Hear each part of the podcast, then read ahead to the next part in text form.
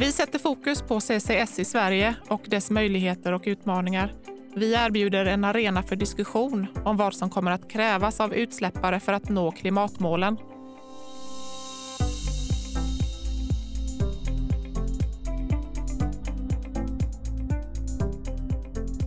Vi möjliggör utvecklande och kunskapshöjande samtal med både förespråkare och de som är mer tveksamma till CCS som klimatåtgärd. Välkommen till CCS-panelen. Jag som är programledare heter Sara Davidsson och arbetar som hållbarhetschef på Midrock Europe. Tycker du redan nu om det du lyssnar på, ge oss gärna feedback så att vi kan nå fler och tryck på följ.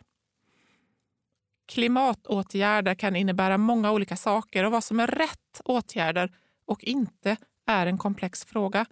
Idag har jag bjudit in Johanna Sandahl, ordförande i Naturskyddsföreningen, för att prata mer om detta. Välkommen Johanna!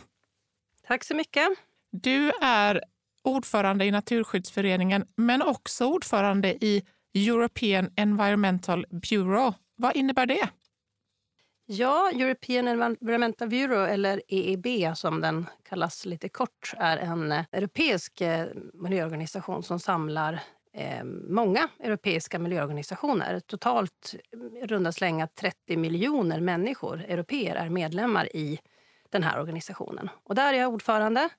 Eh, det finns ett kansli i Bryssel med ett 60-tal medarbetare som jobbar för att påverka den europeiska miljöpolitiken. Vi ska prata mer om det lite senare. Men du Johanna, var kommer ditt miljöintresse ifrån? Jag skulle tro att det kommer från ett allmänt eh, intresse för en bättre värld sen min barndom. Eh, mina föräldrar var väldigt engagerade i olika organisationer kring mänskliga rättigheter och fred. Och jag var också det i ett tidigt skede. Och sen kom celldöden på, i slutet av 80-talet och eh, det var väl för mig en sån där eh, ögonöppnare. Jag gick på högstadiet och började engagera mig mer och mer i miljöfrågor. Men sen har ju liksom mitt intresse eh, pendlat eller varit dubbelt i bemärkelsen både miljöfrågor och sociala frågor. Så att jag har ett intresse för helheten kan man säga. En bättre värld från, utifrån olika perspektiv. Och vad gör Naturskyddsföreningen? Eh, Naturskyddsföreningen är en eh, stor och gammal organisation har funnits eh, i över 100 år. 1909 bildades organisationen. Vi finns med våra lokalgrupper, våra kretsar i nästan varje svensk kommun. Eh, så den är stor. Vi har över 200 000 medlemmar. Vi jobbar väldigt brett eh, i bemärkelsen i vilka frågor vi jobbar med. Nästan alla miljöfrågor jobbar vi med på olika sätt. Och vi jobbar just också brett eh, vad gällande metoden. Vi jobbar väldigt mycket att påverka politiken. Vi jobbar också väldigt mycket med, i synnerhet våra kretsar, att få ut människor i naturen och uppleva liksom närheten till naturen och en önskan om att rädda den. Eh, vi jobbar också mycket med konsumentmakt, att eh, få människor att tänka om i vardagen. Ni har också hand om och äger miljömärkningen Bra miljöval, eller hur? Det stämmer. Ni har också talerätt vet jag enligt Århuskonventionen, vilket ju är en FN-konvention. Och eh, vid miljöbalksprövningar som jag har jobbat personligen med mycket så vet jag att ni har rätt att representera allmänheten och att det här tänker jag är en viktig del i en demokratisk process vid miljöprövningar. Ja, precis. Den här Århuskonventionen är också då införlivad i EU-lagstiftningen. Och eh, den handlar just om att eh, medborgarna har rätt att få tillgång till miljöinformation, möjlighet att påverka miljöbeslut och rätt att överklaga. Och, eh, eh det handlar då alltså om att, eh, till exempel om att överklaga eh, beslut som myndigheter har fattat och eh, se till helt enkelt att lagstiftningen följs som det är tänkt. Eh, så att i grund och botten handlar det på sätt och vis om att eh, korrigera, eventuellt korrigera då felaktiga myndighetsbeslut. Vi är ganska noga med att använda vår talerätt på ett sparsamt sätt skulle jag säga. Så inte överklaga bara för att, utan verkligen använda den i tillfällen när vi tycker att det finns tveksamheter i huruvida myndighetens beslut är korrekt relativt miljöbalken. Vi ska prata lite mer om klimatfrågor och klimatåtgärder. Enligt det globala klimatmålet i Parisavtalet ska temperaturhöjningarna hållas under två grader och väl under två grader jämfört med industriell tid. Målet ska nås genom att begränsa utsläppen av växthusgaser.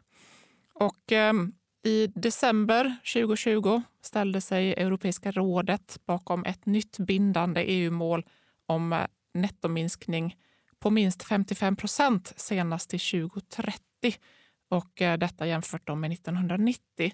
Jag vet att i höstas så uppmanade du våra nordiska regeringar att bilda en allians för en minskning av utsläppen med minst 65 procent. Och ehm, ja, nu i nuläget så är det ju en inriktning då som pekar på 55 procent. Vad tycker du om det beslutet? Jag tycker att det är ett beslut i rätt riktning, men eh, det räcker inte.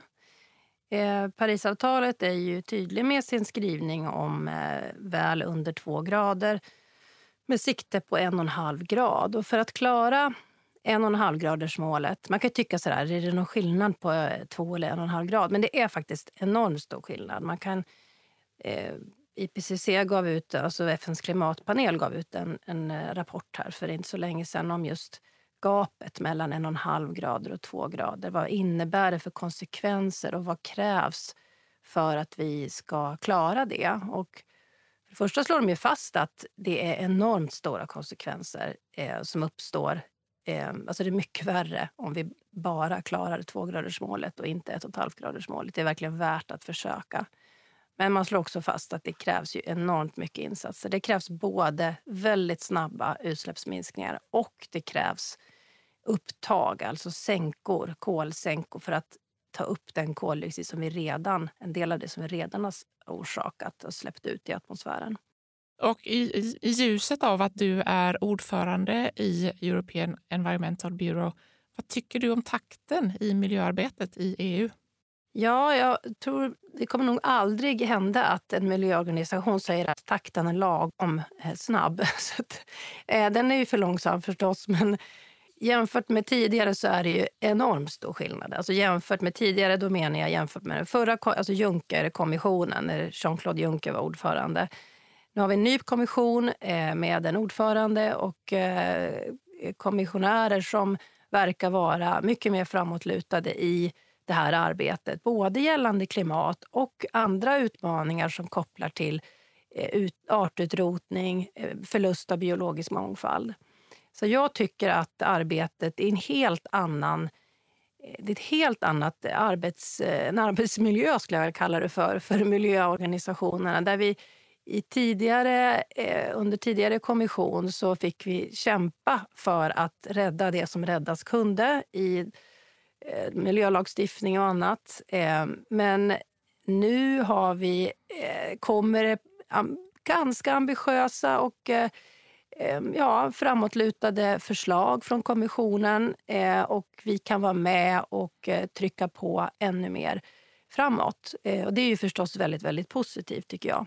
Sen är det klart att det finns alltid mer att önska, men det är ett helt annat tempo än vad det har varit tidigare. Ja, det var eh, spännande nära där att äh, du sa att äh, du tyckte takten var lagom. Äh, men, ja, bra. sa jag nej, ja, nej, jag hörde det. Många gånger så när vi pratar om fossila bränslen och ersättning av dem så lyfter vi fram biomassa och bioråvara. Och vi pratar också om att eh, binda eh, koldioxid i träd och växande träd och så vidare. Men räcker skogen? Vad säger du? Alltså den, det, det beror ju på efterfrågan förstås. Eh, jag tror att... Alltså, nej, alltså, det beror på vem man frågar också. Det finns ju enorma anspråk på skogen idag. Den ska ju räcka till det mesta. Eh, det finns ju en förväntan på att vi ska i princip ersätta allt det vi producerar med fossila kolatomer med de, med de gröna kolatomerna. Och eh, det kommer inte räcka till allt. Eh, ja, utifrån vårt perspektiv så är ju det går inte att liksom förhandla med den biologiska mångfalden. Vi behöver ett skogsbruk, en, ta hand om våra skogar så att mål som vi har globalt och i Sverige kring eh, biologisk mångfald nås. Det är liksom en grundfråga. Klarar vi inte mål om biologisk mångfald, ja men då gör, skapar vi oss nya problem. Den biologiska mångfalden är helt central för de ekosystemtjänster som naturen ger oss. Det handlar ju om vattenrening, det handlar om klimatreglering, det handlar om eh, att skapa liksom en bördig jord. Det handlar om så många saker där den biologiska mångfalden är nyckelfråga. Det handlar också om att klara, alltså rusta oss för den klimatförändring som redan är här och som kommer bli värre. Eh, skogar och ekosystem med en rik biologisk mångfald är mer motståndskraftiga mot förändringar. Så att vi behöver den också för att klara eh, den här klimatförändringen som kommer. Ett tydligt exempel är ju det som händer nu när vi märker att somrarna blir varmare och torrare. Och med varma och torra somrar så ökar risken för skogsbränder. Eh, och brinner inte skogen så kan det ändå vara så att skogen blir väldigt stressad alltså som, ja, av den här torkan. Så ja, skogen räcker om, om vi tänker klokt. Men den räcker inte till alla de anspråk som kommer från alla håll. Jag håller med. Du, eh, Johanna, en kritik mot tekniklösningar för att fånga in koldioxid, vilket ju är vår eh, podcasts huvudtema, är att det gör att vi slipper ta tag i det som skapar utsläpp. Samtidigt så det finns ett väldigt stort gap mellan mål för klimatneutralitet och åtgärder. Vad är viktigast att göra som företag, tycker du? Eh, ja, det enkla svaret är väl att verkligen ta klimatfrågan på allvar. Och jag upplever nog att eh, det är ganska många som gör det. Eh, det är, jag har ju varit engagerad i den här frågan, miljöfrågan eller vad man ska kalla den för, i, i väldigt lång tid nu. Och det är en enormt stor skillnad. Eh, Naturskyddsföreningen har vi sagt ungefär samma sak alla år men eh, det har hänt väldigt mycket runt omkring oss. Eh, men, så det, ta det verkligen på allvar. Och jag tänker att eh, praktiskt, eh, vad man gör på det enskilda företaget är ju förstås väldigt olika beroende på vad man är för bransch. Men eh, det är ju tre stora utsläppssektorer eh, i Sverige. Det är transportsektorn, det är industrin och det är jordbruket. Och inom de här sektorerna så behöver förstås ske på helt olika sätt. Eh, Sen är det liksom en an... Så det finns det praktiska vad man ska göra. Där är det ju olika. Men en, någonting som jag tycker är viktigt är att man också använder sin eh, roll i, och kraft i, i politiken. Alltså att vara en, en spelare och eh, trycka på för en ambitiös klimatpolitik. Eller åtminstone inte bromsa en ambitiös klimatpolitik. Jag upplever inte så mycket i Sverige, men på europeisk nivå så stöter jag på det lite då och då. Att det finns ganska mycket eh, motverkande krafter mot en ambitiös klimatpolitik. Och det är ju faktiskt helt förödande. Så att företag som är engagerade i branschorganisationer i Sverige som i sin tur kanske är engagerade i branschorganisationer på europeisk nivå. Där tror jag man kan göra en jättestor nytta att propagera för en ambitiös klimatpolitik. Säger du att eh, du, du ser att det finns företag som inte är så sugna på att göra förändringar på riktigt? Ja, det är klart det finns det. Men det är absolut inte så likadant för alla. Jag ser också väldigt många som vill förändringar på riktigt och eh, snabbt. Alltså snabba, ordentliga förändringar. Och då behövs ju politiken eh, för att sätta upp de spelreglerna. Men och spelregler i all ära, men en spelregel som finns nu är ju det här EU ETS. Och eh, vi har bland annat pratat om det i vårt avsnitt nummer två med eh, Filip Jonsson. Och eh, någonting som vi har sagt länge är ju att utsläppspriset för koldioxid kommer att öka och det kommer bli dyrt att släppa ut. och då får vi de här beteendeförändringarna som du är inne på. Och över tid har ju utsläppspriset ökat men samtidigt så är det ju bara en mindre del av utsläppen som berörs av den handeln och det är ju bara då utsläpp från fossila bränslen som berörs. det är väldigt många koldioxidmolekyler som vi släpper ut i vår produktion och vår konsumtion som inte berörs alls här. Vad är det som gör att det kommer bli skillnad nu? Alltså vi börjar med, med eh, de utsläpp som ingår i utsläppshandeln. Ehm, så tror jag ändå att om vi får den här europeiska klimatlagen på plats och spikar ett mer ambitiöst mål, då kommer ju priserna och ETS-kurvan att också justeras efter den, eh, den sluttningen, eller vad man ska kalla det för. Eh, det kommer att leda till ett högre pris och förhoppningsvis ett så pass högt pris så att, eh, eh, att det blir en effekt. Men det finns ju också en mängd andra eh, åtgärder som behöver göras kopplat till ETS. Eh, bland annat täppa igen de kryphål som finns. Eh, vi har gratis tilldelning. Vi har, eh, ja, nu finns det ju bättre system här för utsläppsrätter som blir över, som kan annulleras. Men det finns massa saker som behöver korrigeras för att det verkligen ska bli effektivt och vi ska få de priser som faktiskt eh, borde vara på ett ton koldioxid. Så att utsläppsmarknaden eh, Priserna kommer gå upp, det är jag helt övertygad om. Och de kom, och givet att de följer kurvan, då, vilket de ska.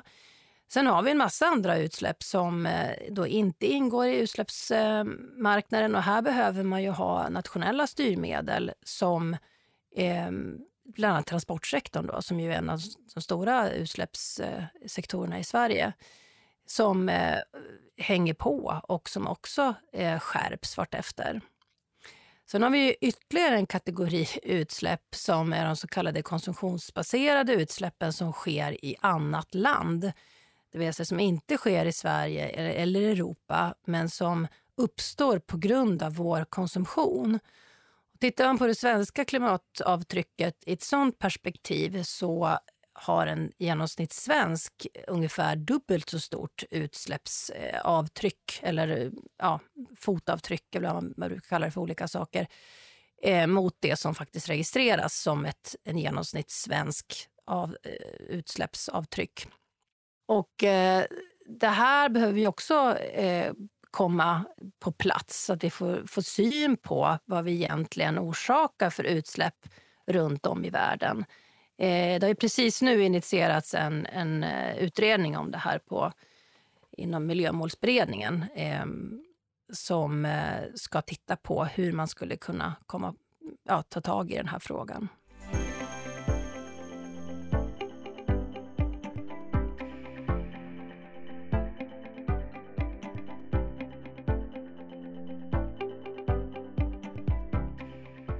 Välkommen till CCS-panelen. Vi möjliggör utvecklande och kunskapshöjande samtal med både förespråkare och de som är mer tveksamma till teknik för koldioxidinlagring.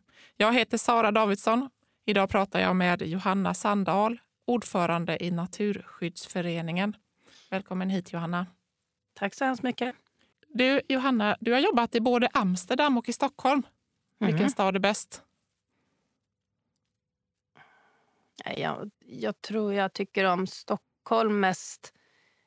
Alltså så här är väl, när jag jobbade i Amsterdam då var jag så oerhört uttråkad på den vintern. Det var jätteroligt, men vädret var ju förfärligt. Det var ju grått hela tiden. Värsta är att det är ju så nu också. Inte just idag, nu är det snö idag. Men eh, Stockholmsvintrarna har ju blivit ungefär Amsterdamvintrar. Eh, runt nollan, ganska dimmigt och grått hela tiden.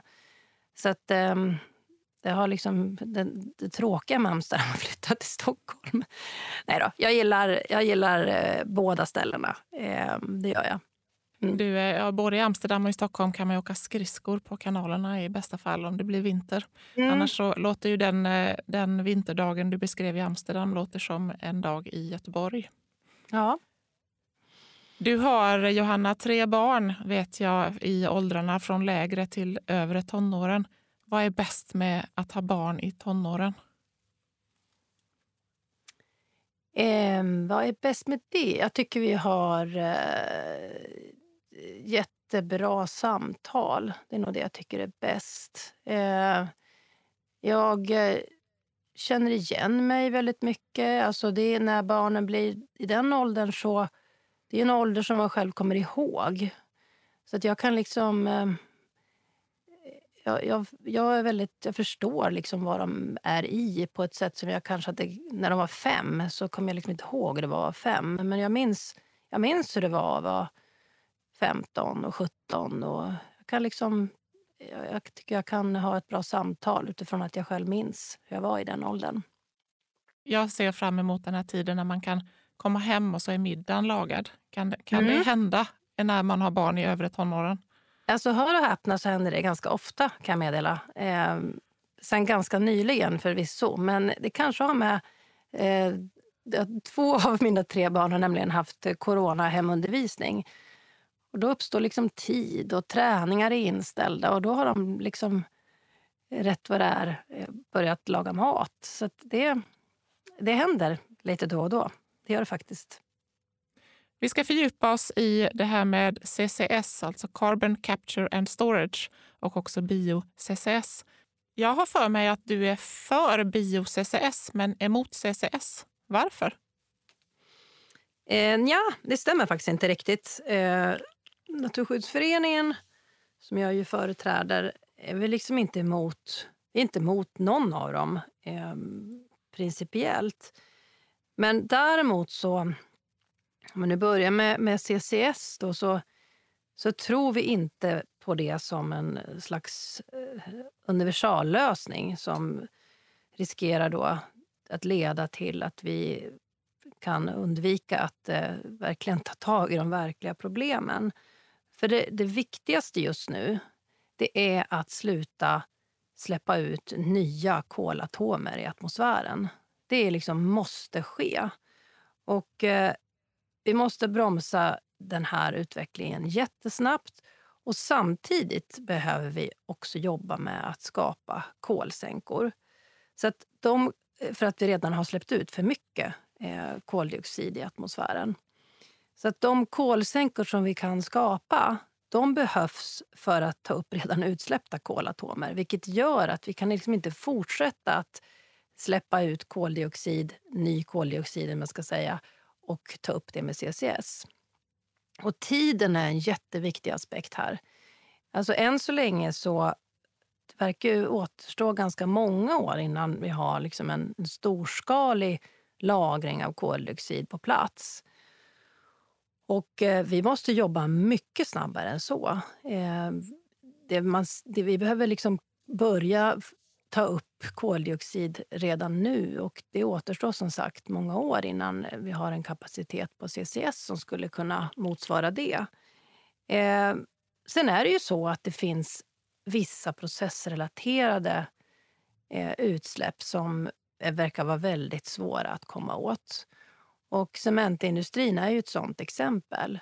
Stål är ju det i delar av världen men nu ser vi ju till exempel Hybrid här som växer fram som ju innebär att det inte blir några processrelaterade koldioxidutsläpp från, från den produktionen, vilket ju förstås är jättepositivt.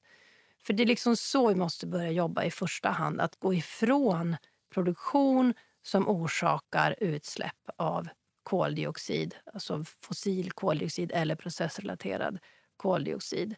När det inte går, ja, då kan man väl tänka sig att använda CCS. Men att lägga alla ägg i den samma korg och tro att det är universallösningen, det kommer inte att funka. Ja, eh, mm. fortsätt. jag tänkte jag skulle säga något om bio-CCS också. Eh, det är ju, där, där kan man tänka sig att, eh, att, att, att använda det på ett, eh, ett eh, bioeldat eh, kraftvärmeverk så är ju det förstås, det blir ju minusutsläpp, så det är ju positivt. Men att det är lite samma sak där, att tro att det löser, eh, kan vara lösningen på den globala klimatkrisen. Det funkar inte och det är liksom inte min personliga åsikt utan det är väl ganska tydligt om man läser IPCCs eh, rapporter om eh, bland annat den här rapporten jag nämnde tidigare om hur vi ska klara 1,5-gradersmålet.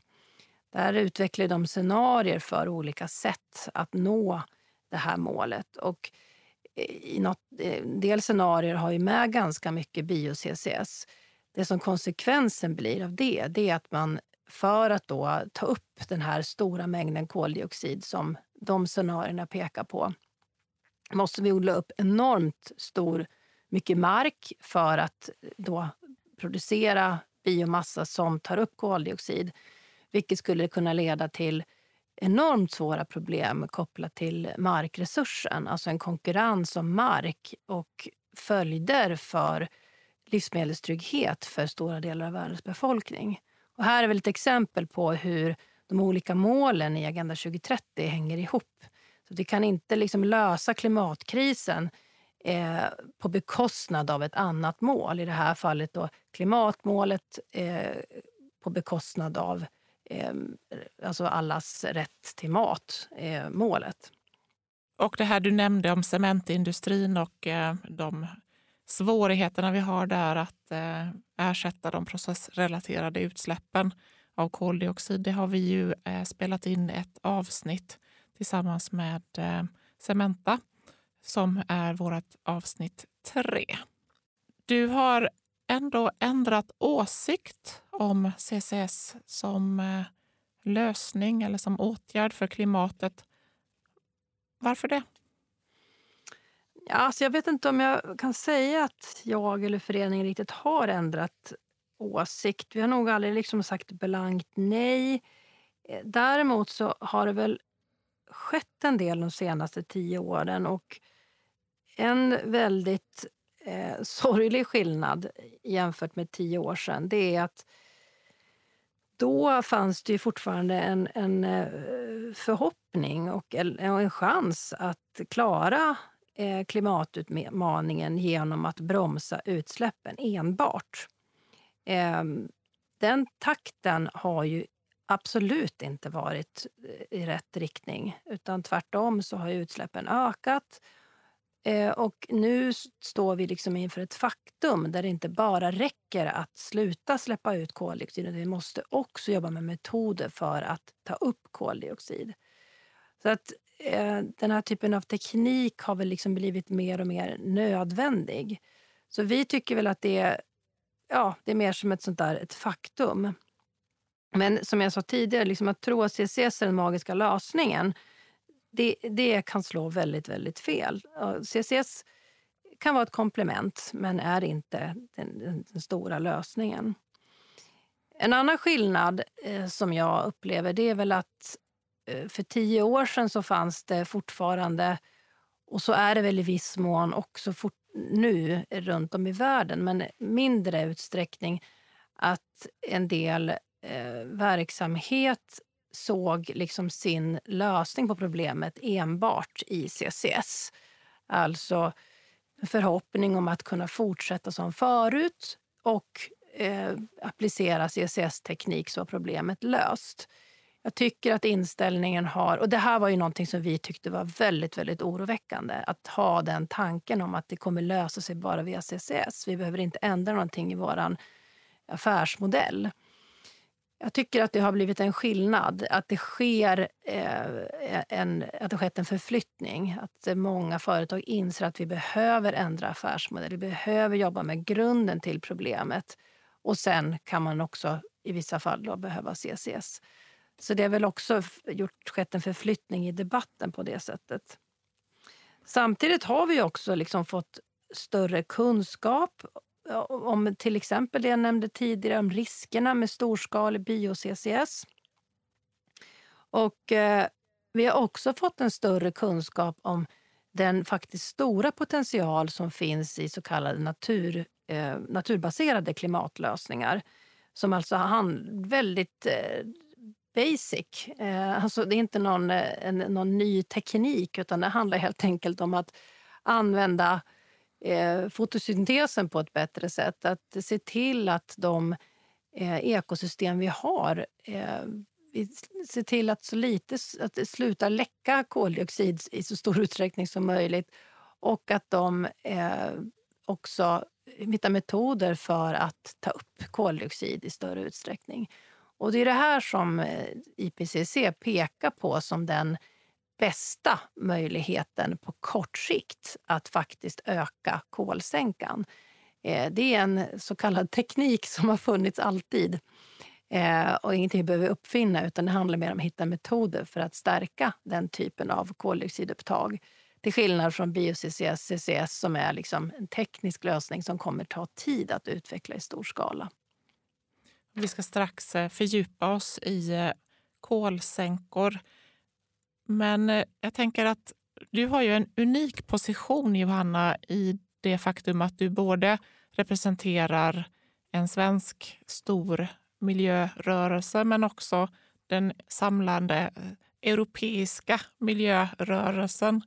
Och eh, utifrån den utblicken, ser du att det är skillnader i tillämpningen av CCS i Sverige och Europa eller Sverige och internationellt? Alltså jag kan väl...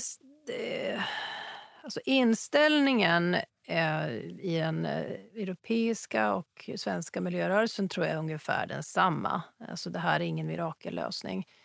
Eh, vad gäller liksom användningen av i synnerhet bio-CCS så kan jag ju se att det finns ju helt klart en poäng att använda det på bioeldade kraftvärmeverk som vi redan har i Sverige till exempel.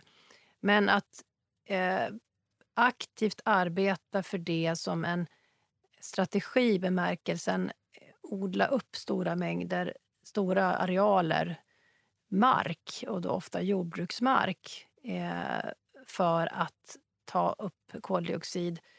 Det tror jag som sagt kommer orsaka väldigt stora problem och konflikter kopplat till livsmedelsförsörjning. Och inte bara jag tror det, utan det här är någonting som är tydligt bland annat från IPCC. Det finns olika möjligheter att binda koldioxid från atmosfären och det kallas ibland för kolsänkor. Havet är ju en naturlig kolsänka. Biokol är eh, ett alternativ och att plantera träd leder ju också till att träden binder upp kol. Planterar vi fler träd så får vi en ökad infångning över en viss tid. Då. Eh, Johanna, vad vill du lyfta upp för alternativa sätt att binda koldioxid förutom CCS? Alltså jag vill verkligen slå ett slag för det som just FNs klimatpanel också gör. Att eh, det, det, det, vi vet nu och där vi snabbt kan skapa eh, kolsänkor, det är just i våra ekosystem. De så kallade naturliga klimatlösningarna. Alltså som är strategier som främjar också biologisk mångfald eh, och skyddar och ökar kolinlagring i våra skogar, våtmarker, hav och i, också i jordbruksmarkerna. Det här ersätter ju förstås inte då eh, behovet av att snabbt fasa ut all användning av fossila bränslen. Men eh, jobbar man med de här naturliga kolsänkorna så slår man liksom två flugor i en smäll. De, eh, ett sätt att motarbeta de två stora globala kriserna som vi står inför. Klimatkrisen och den akuta förlusten av biologisk mångfald. Och att det här är två kriser eh, som är av liksom lika stor dignitet och som är lika allvarliga, det, det börjar bli mer och mer känt tycker jag. Eh, nu, det är ju så uppenbart om man läser till exempel World Economic Forums eh, Global Risks Report. Eh, där följer man liksom utvecklingen, vad de har bedömt som eh, de stora riskerna för världen eh, framöver så har det gått från en ganska stor dominans kopplat till ekonomiska kriser och sånt, men eh, instabilitet i världen. Men det som dominerar totalt nu, det är ju kriser kopplat till klimatet och till förlusten av biologisk mångfald, utarmning av våra ekosystem. Så att de naturliga klimatlösningarna har den fina fördelen att faktiskt lyckas med båda de här två utmaningarna och eh, förutsättningar för att klara dem. Johanna, det här som du pratar om handlar ju mycket om att mera förändra metoder, alltså förändra de sätt som vi så att säga, producerar skogsbruk, det sättet som vi jobbar i våra skogar och det sättet som vi jobbar i våra jordbruk. Eh, har jag rätt i det? Håller du med om den uppfattningen? Ja, absolut, det stämmer. Det kan handla om metoder som, som innebär att man undviker att markbereda, alltså plöja upp eh, mark som då innebär eh, ett, ett utsläpp av växthusgaser. Eh, som till exempel ett hyggesfritt skogsbruk. Och det kan handla om att eh, metoder som innebär att man minskar läckaget från torvmarker. Alltså torvmarker är särskilt... Eh, alltså i, I svenska våtmarker, mossar, myrar och kärr så har det liksom skapats ett torvlager i, under tusentals år, alltså senast, sen senaste istiden. Den här torven består av gamla växtrester som delvis har brutits ner. Eh, I de här, när, när det är vått och surt eh, i de här markerna då bryts inte växtresterna ner utan de samlas, samlas ihop då och blir till slut torvlager som kan vara flera meter högt och innehålla jättestora kolförråd. I Sverige så uppskattas eh, torven vara det, det största kolförrådet eh, motsvarande 5 500 ton kol. Eh, en stor del av den här torvmarken som vi har i Sverige har påverkats genom dikning, alltså att man tar bort vattnet för att vi ska kunna ha ett jord och ett skogsbruk där. När det är blött så är det svårt att bedriva jord och skogsbruk. Då har man dikat. Och det som händer när man dikar, det är alltså, alltså när det blir vått och helt enkelt och inte surt, så frigörs det växthusgaser. Och idag så bedömer man att de utsläppen från de här markerna ligger mellan 15 och 24 miljoner ton koldioxidekvivalenter per år. Och det motsvarar, alltså det är mer än utsläppen från all inrikestrafik i Sverige. Så det är en enormt stort utsläpp som kommer från de här markerna, de här torvmarkerna. Och då kan man ju tänka att det är en ganska bra åtgärd att eh, göra någonting åt detta. Att undvika att eh, växthusgaser läcker från den här typen av marker. Eh, det är ett exempel på en, en sån åtgärd. Ja, och för att när, när man pratar om åtgärder i alltså att dika ut våtmarker och eh, hur vi plöjer marken i skogsbruk så kan jag känna som privatperson att det här ligger liksom väldigt långt ifrån mig. Det är ingenting, alltså, Eh, det är ingenting som jag kan påverka.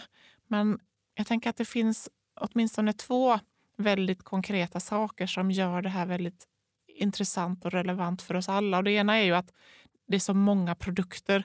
Allt vårt livsmedel, allt vi äter och dricker kommer från jordbruket och väldigt mycket av de varor som vi använder kommer från skogsbruket eller kommer i en framtid att komma från skogsbruket. Jag tänker på textilier och att vi ersätter eh, bomull med cellulosa och den typen av saker. Så att vi borde alla vara intresserade av klimatpåverkan och möjlighet att hindra klimatpåverkan i jordbruk och skogsbruk. Det andra jag tänker på är det här med biologisk mångfald.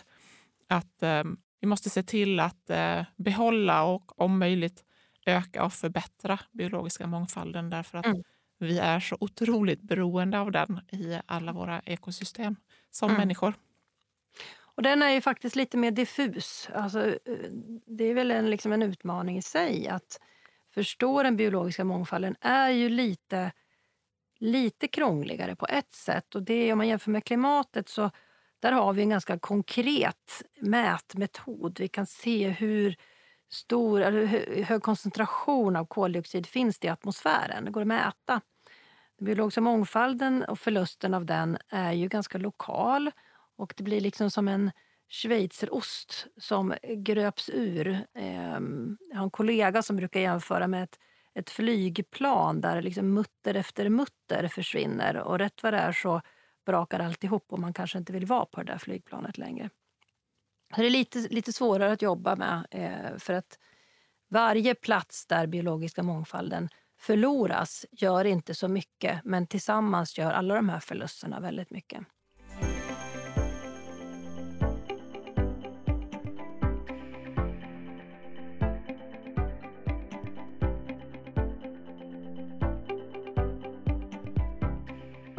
Johanna, det är ju lätt att eh, bli modfälld och tänka att eh, men hur ska vi göra då med eh, eh energisystemet och omställningen om vi inte får använda fossila bränslen som vi är så otroligt vana vid att använda sedan drygt hundra år tillbaka. Och eh, nu får du chansen här att eh, lägga ihop pusslet själv när det gäller hållbar energiförsörjning i Sverige. Hur skulle ni göra då på Naturskyddsföreningen? Ja, vi gav ut en rapport om precis det här ämnet för eh, ett och ett halvt år sedan kanske som heter Fossilfritt, förnybart, flexibelt. Och det är liksom tre kärnpunkter eh, i hela den här rapporten. Att det ska vara fossilfritt, det ska vara förnybart och det ska vara flexibelt. Eh, våran, eh, våran vision kan man väl kalla det för. Eh, det är en vision då, till 2040. Hur ser det ut då? Och vi får ihop ett hållbart energipussel eh, genom att jobba oerhört mycket med... Samhället klarar av att jobba med energieffektivisering och verkligen ta tillvara den faktiskt stora potential som finns i energieffektivisering.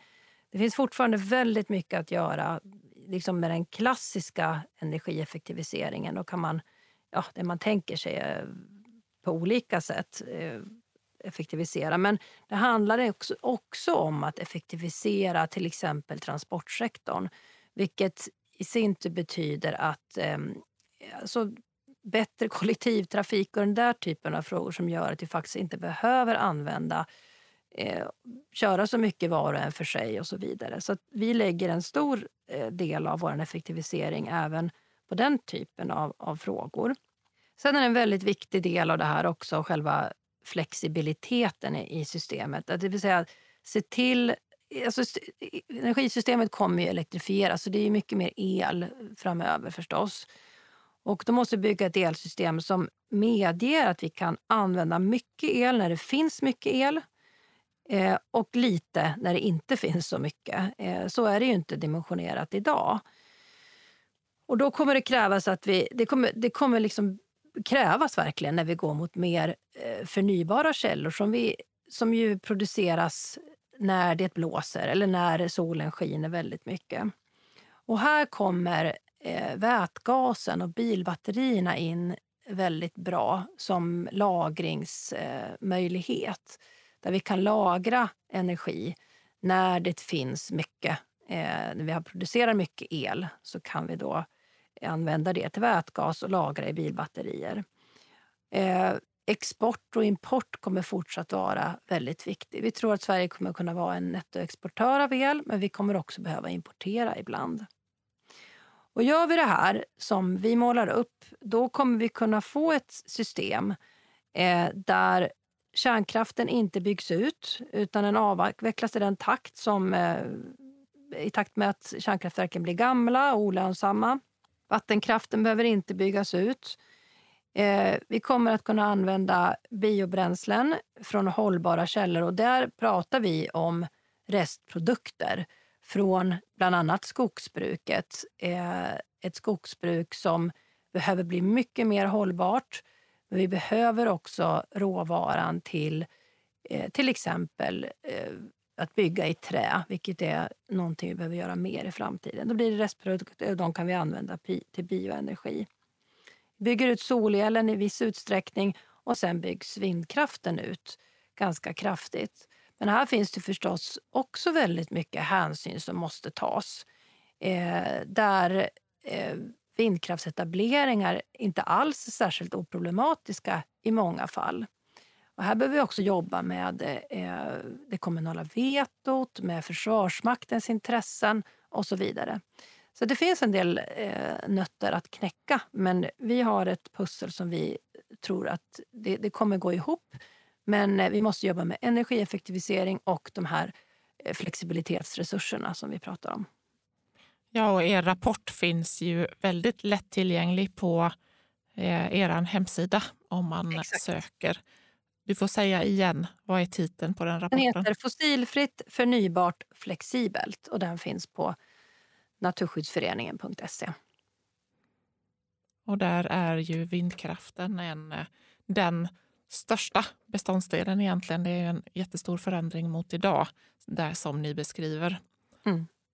Du Johanna, en avslutande fråga när vi pratar om klimatet. Vad ger dig hopp? Men när man sitter så här mitt i miljösmeten så blir det ju mycket larmrapporter. Men jag får, har ju också förmånen att, att eh, få syn på positiva saker som händer. Och Det kan vara sånt som sker i det lilla. Ehm, eh, när, vad ska jag ta för exempel? Eh, Ja, men för några år sedan när det var liksom helt plötsligt helt omöjligt att få tag på eh, fulbananer i, i varenda butik. Det, alla hade ju gått över till eko helt plötsligt och det var ju fantastiskt. Rätt vad det var så var det ingen som ville köpa bekämpningsmedelsstinna bananer. Eh, bara en sån sak var ju, det var ju glädjande. Eh, eller i större perspektivet, och där kan man väl tänka sig att eh, Preem var, och Preemraff var fantastiskt när det visar sig att det av marknadsskäl inte längre är värt att satsa på ett eh, oljeraffinaderi. eller utbyggnaden var det ju då i det här fallet. Eh, och det är ju jättehärligt när det uppstår den typen av skiften. Att nu är det inte värt det längre. Eh, och jag, det, det gör mig hoppfull.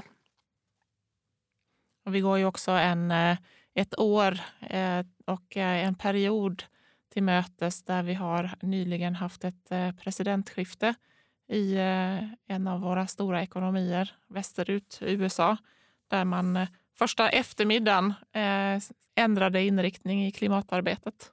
Ja, eh, det var ju, har ju varit ett mörker eh, faktiskt eh, på många sätt. Men eh, från miljöperspektiv och klimatet. Eh, alltså det har ju varit ett elände eh, denna, dessa fyra år med Trump vid makten.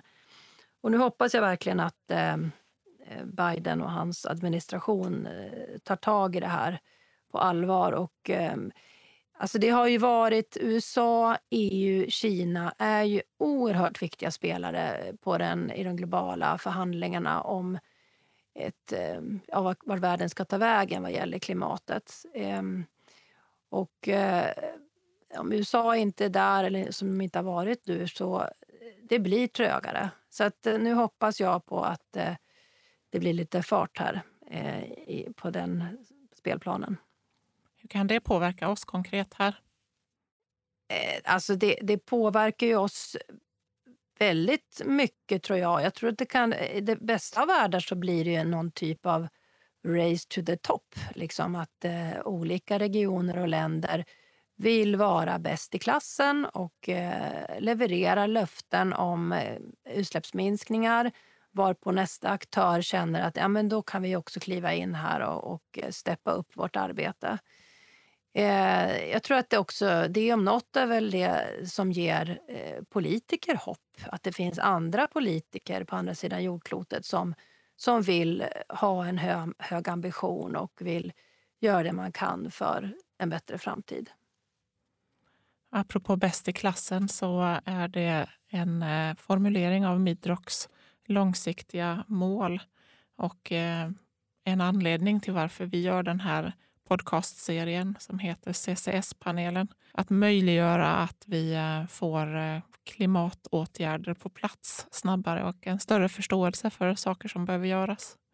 Mm. Johanna, idag har vi rört oss mellan globala politiska händelser. Vi har fått en eh, beskrivning av EUs miljö och klimatarbete och vi har fått träffa dig som personen Johanna Sandahl och eh, också fått höra om eh, Naturskyddsföreningens eh, arbete och de saker som ni driver.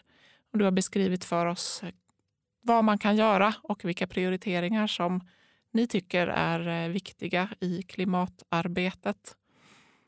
Stort tack Johanna för att du har besökt mig idag och för vårt samtal.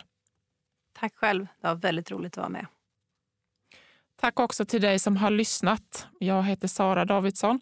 Vill du komma i kontakt med mig så kan du skriva ett mejl till info.ccs midrock.se.